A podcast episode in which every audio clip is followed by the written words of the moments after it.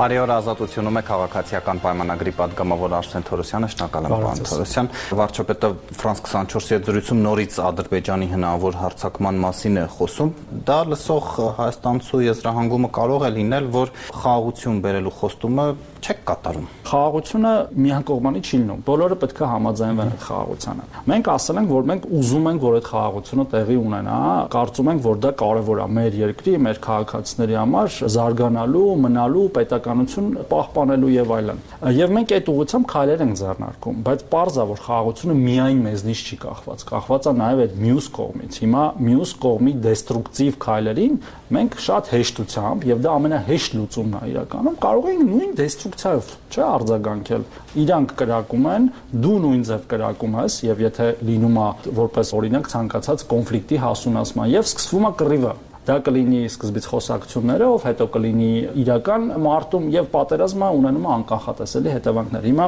դա իհարկե չի նշանակում, որ երբ որ լինում է հարցակում քո տարածքի վրա, դու չպետք է պաշտպանես, դու պետք է պաշտպանես քո ամբողջ ուժերիդ եղած եւ չեղած բոլոր ուժերով, այսինքն եւ եւ մենք հենց դրան էլ նաեւ պատրաստվում ենք անկախ դեպի խաղաղության գործընթաց գնալուց, բայց անել այլ բան, քան այդ ուղությամբ գնալը ես չեմ պատկերացնում։ Ես չեմ հասկանում այն մեր ընդդիմախոսներին, որոնք ասում են խաղաղությունը տապալել եք, խաղաղությունը չստացվեց, օքեյ, ենթադրենք այսօր դեռ չստացվեց։ Ինչ են իրանք առաջարկում դադարեցնել զիջումների քաղաքականությունը անել։ Իսկ ինչ են մենք զիջել։ Մենք ոչինչ չենք զիջել։ Պարոն Թոսյան, նշաձողի իջեցումից սկսած, որը ավարտվել է Արցախի կորստով զիջել եք եւ այդ կոնսենսուսը չի եղել։ Պետք է իրադարձությունները նախ ժամանակագրորեն եւ բովանդակային ճիշտ դիտարկել։ Ինչա նախորդել այդ ամեն ինչին։ Հայաստանի Հանրապետության սուվերեն տարածքի վրա հարցակում հիմնականում այն պատրվակով, որ եթե դուք ունեք տարածքային պահանջներ մեզնից, մենք ունենք տարածքային պահանջներ ձեզնից։ Մենք համարել ենք եւ համարում ենք, որ մեր սուրբ պարտականությունն է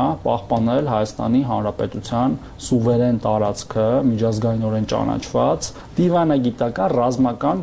բոլոր միջոցներով։ Նաեւ բանակցային գործընթացի վերլուծությունը եւ նաեւ զարգացումը, հա, այսպես ասած, տարիների վեր հանգեցրել է նրան, որ անիրատեսական է եղել անկախ Լեռնային Ղարաբաղ ունենալը։ Հիմա մենք կարող ենք ունենալ երազանք անկախ Լեռնային Ղարաբաղի, մենք կարող ենք ունենանք իղձեր ազգային եւ այլն, բայց փաստը եւ փորձը դժբախտաբար ցույց է տվել հակառակը եւ տարիների ընթացքում հակառակը եւ ոչ թե մի անգամից։ Դա էլ է շատ կարեւոր։ Դա արդեն անցյալի խոսակցությունն է, բայց բայց շատ կարեւոր է, այսինքն մեղադրել մեզ զիջումներում, երբ որ մենք պատերազմ ենք կռվել, ելի մեր բոլոր ուժերով եւ ամբողջ հայ ժողովուրդը ես նկատի չունեմ միայն մեզ կամ իշխանություններին եւ դժբախտաբար պարտվել ենք ուժերով անհավասարաչափ թշնամուն, որին աջակցում են էլ է ավելի անհավասարաչափ իր դաշնակիցները եւ մեզ ոչ մեկ չէր աջակցում դժբախտաբար դա էլ շատ կարևոր արձանագրում, ասել զիջել ենք։ Իսկ Հայաստանի համանadrության փոփոխություն պարտադրելը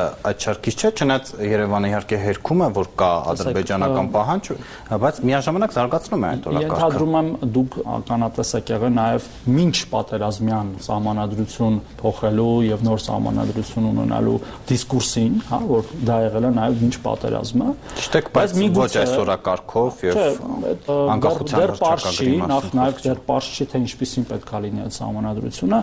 Կարևորը այն է, որ մենք այս հարցում ենք շատ թափանցիկ։ Մենք խոսում ենք մեր հանրության հետ, ասում ենք հարգելի քաղաքացիներ, մենք կարծում ենք, որ մենք պետք է ունենանք նոր, լեգիտիմ եւ մեր պետականությունը ամրացնող համանadrություն։ Ուզում եք, եկեք խոսենք սրա մասին։ Չեք ուզում, փակ այդ թեման, ինչի վերջո հանրակրվեով կապացվի, եթե հանրակրվեն լինի։ Ուրեմն դուք եք որոշում, բայց մեր պարտնակրկին այս ամեն ինչի մասին հրաապարական եւ հանրային խոսալ եւ բացատրել թե ինչու։ Բայց նաեւ ուզում եմ անդրադառնալ նախապատերազմյան եւ հետպատերազմյան անհրաժեշտությանը գաղտնիք չի, որ նաեւ միգուցե հետպատերազմյան իրավիճակն է այդ անհրաժեշտությունը բարձրացրել, հա, մի մակարդակ բարձրացրել, որտեղ միայն տեխնիկական փոփոխությունների մասին չի խոսքը գնում, որը կար նաեւ միջև այդ հանձնաժողովներ կան, աշխատանքային խմբեր կան, մի քանի մասնագիտական բան գիտեմ, որ օրինակ պետք է ուղղել ու մենք կրիզիսներ ունեցանք իդեպ սահմանադրական նույն գլխավոր շտաբի ժամանակ, երբ որ նախագահը այնց հայցողական կարգով չէր ստորագրում ազատումները կամ նշանակումները եւ այդպիսի որոշ բաներ էլ կան, որ անպայման պետքա ուղղվեն, բայց նաեւ այո, մեր համանadrությունը պետքա իր նպատակ ունենա Հայաստանի Հանրապետությունը եւ ոչ թե բաներ, որոնք կասկածի տակ են դնում Հայաստանի Հանրապետությունը կամ վտանգի տակ են դնում Հայաստանի Հանրապետությունը։ Ի վերջո, այս մի հարցի է պետք պատասխանել։ Հայաստանի Հանրապետությունը մեր համար վերջնական նպատակը թե միջոցա ինչ որ այլ բաների հասնելու համար։ Եթե վերջնական նպատակ, այստեղ շատ խոսալու բան չկա իրականում։ Եթե միջոցա, որը իդեպ այդ իմ ասած վտանգներն է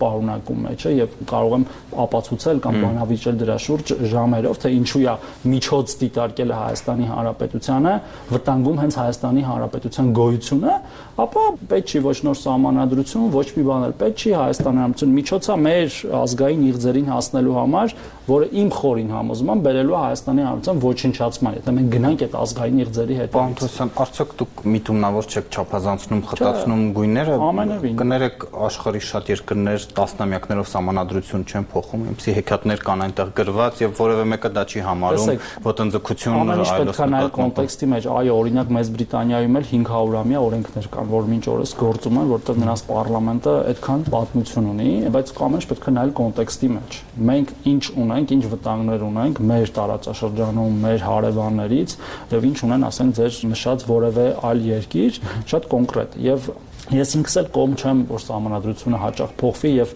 չպիտի փոխվի սահմանադրությունը ըստ էության հաճախ եւ ընդհանրապես իրավական դաշտը պետք է լինի շատ կանխատեսելի քաղաքացիների համար, տնտեսվարողների համար, միջազգային հանրության համար բայց այս բանավեճ առնվազն տալնելը, որը կարող է հանգեցնել այդ փոփոխություն, ես կարծում եմ առողջ բանավեճ է եւ զարմանում եմ, երբ որ հակառակում են։ Գիտեք ինչու որտեղ ինքնին հարցադրումը մարդուն կարող է կոտրել, որովհետեւ այնտեղ գրված է, որ Հայաստանը հետամուտ է լինելու հայոց ցեղասպանության ճանաչմանը, այդ խնդիրը արդարացի չի լուծվել, այնտեղ վկայակոչվում է Հայաստան Լեռնային Ղարաբաղ վերամիավորման մասին, այդ խնդիրը եւս արդարացի չի լուծվել, այնտեղ հայեր չեն ապրում։ Եվ ահա մենք ուղղակի վերցնում ներածությունից հանում ենք։ Դուք նշեցիք, որ դա կարող է ցավոտ լինել։ Իհարկե այո, կարող է ցավոտ լինել, բայց հաճախ կարևոր որոշումները լինում են ցավոտ եւ միայն ցավերի միջով ցավոտ որոշումներ անցնելու միջով դու ուժեղանում եւ ոչ թե խուսափելով այդ ցավոտ որոշումներից կամ առերեսվելուց առնվազն այդ օբյեկտիվ իրականությանը, որը միգուցե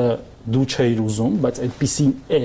անկախ քո ուզելուց այդպեսին է դու գնում ես առաջ եւ հակառակը երբ որ դու տենց պատը սպարվում ես վատ բաներ չեմ ուզում ասեմ բայց ջայլամային վարկագիծս դրսևոր ասում ես տենց խնդիր չկա ամեն ինչ լավ է եւ մենք այո պետքա այդ ազգային նիրձերով շարունակենք ապրել եւ Հայաստանը դարձնենք միջոց ինչ որ բանի հասնելու համար որը անհնար է ես համոզված եմ որ դա անհնար է կորցնենք նաեւ այն ինչ որ ունենք այն ինչի համար մենք այսքան պայքարել ենք, ձեռք ենք բերեի վերջո հազարավոր ազգերից առանձնանալով, որոնք չունեն, բայց ուզում են ունենան։ Սա պետքա լինի մեր սրբության սրբոցը եւ դրան պաշտպանելու համար մենք չպետքա վարանենք ինչ որ ցավոտ հարցերի անդրադառնալուց։ Նախկին արտգործնախարար Վարդան Օսկանյանը առաջարկում է հայերի վերադարձի հարցը հենց էլ բանակցային նյութ դարձնել, որովհետև նրա համոզմամբ դա կփակի ռևանշի թեման, հետեւյալ փաստարկով Երևանը եթե այդ հարցը չի բարձրացնում, ստացվում է Ադրբեջանի ընկալմամբ չլուծված խնդիր կա, առանցքային հարցը մնացել է եւ այդպես են փորձելու վաղի միսօր ռևանշի հասնել Միջդեռ եթե որոշվի թե ինչպես են հայերը վերադառնալու, դա նաև խաղաղության հարցը կլուծի։ Ես փորձել եմ հասկանալ առաջինը, թե կոնկրետ ինչ է առաջարկվում, անկեղծ եմ ասում, ցավոք սրտի չեմ կարողացել հասկանալ։ Կամ ունակություններս են շատ ցածր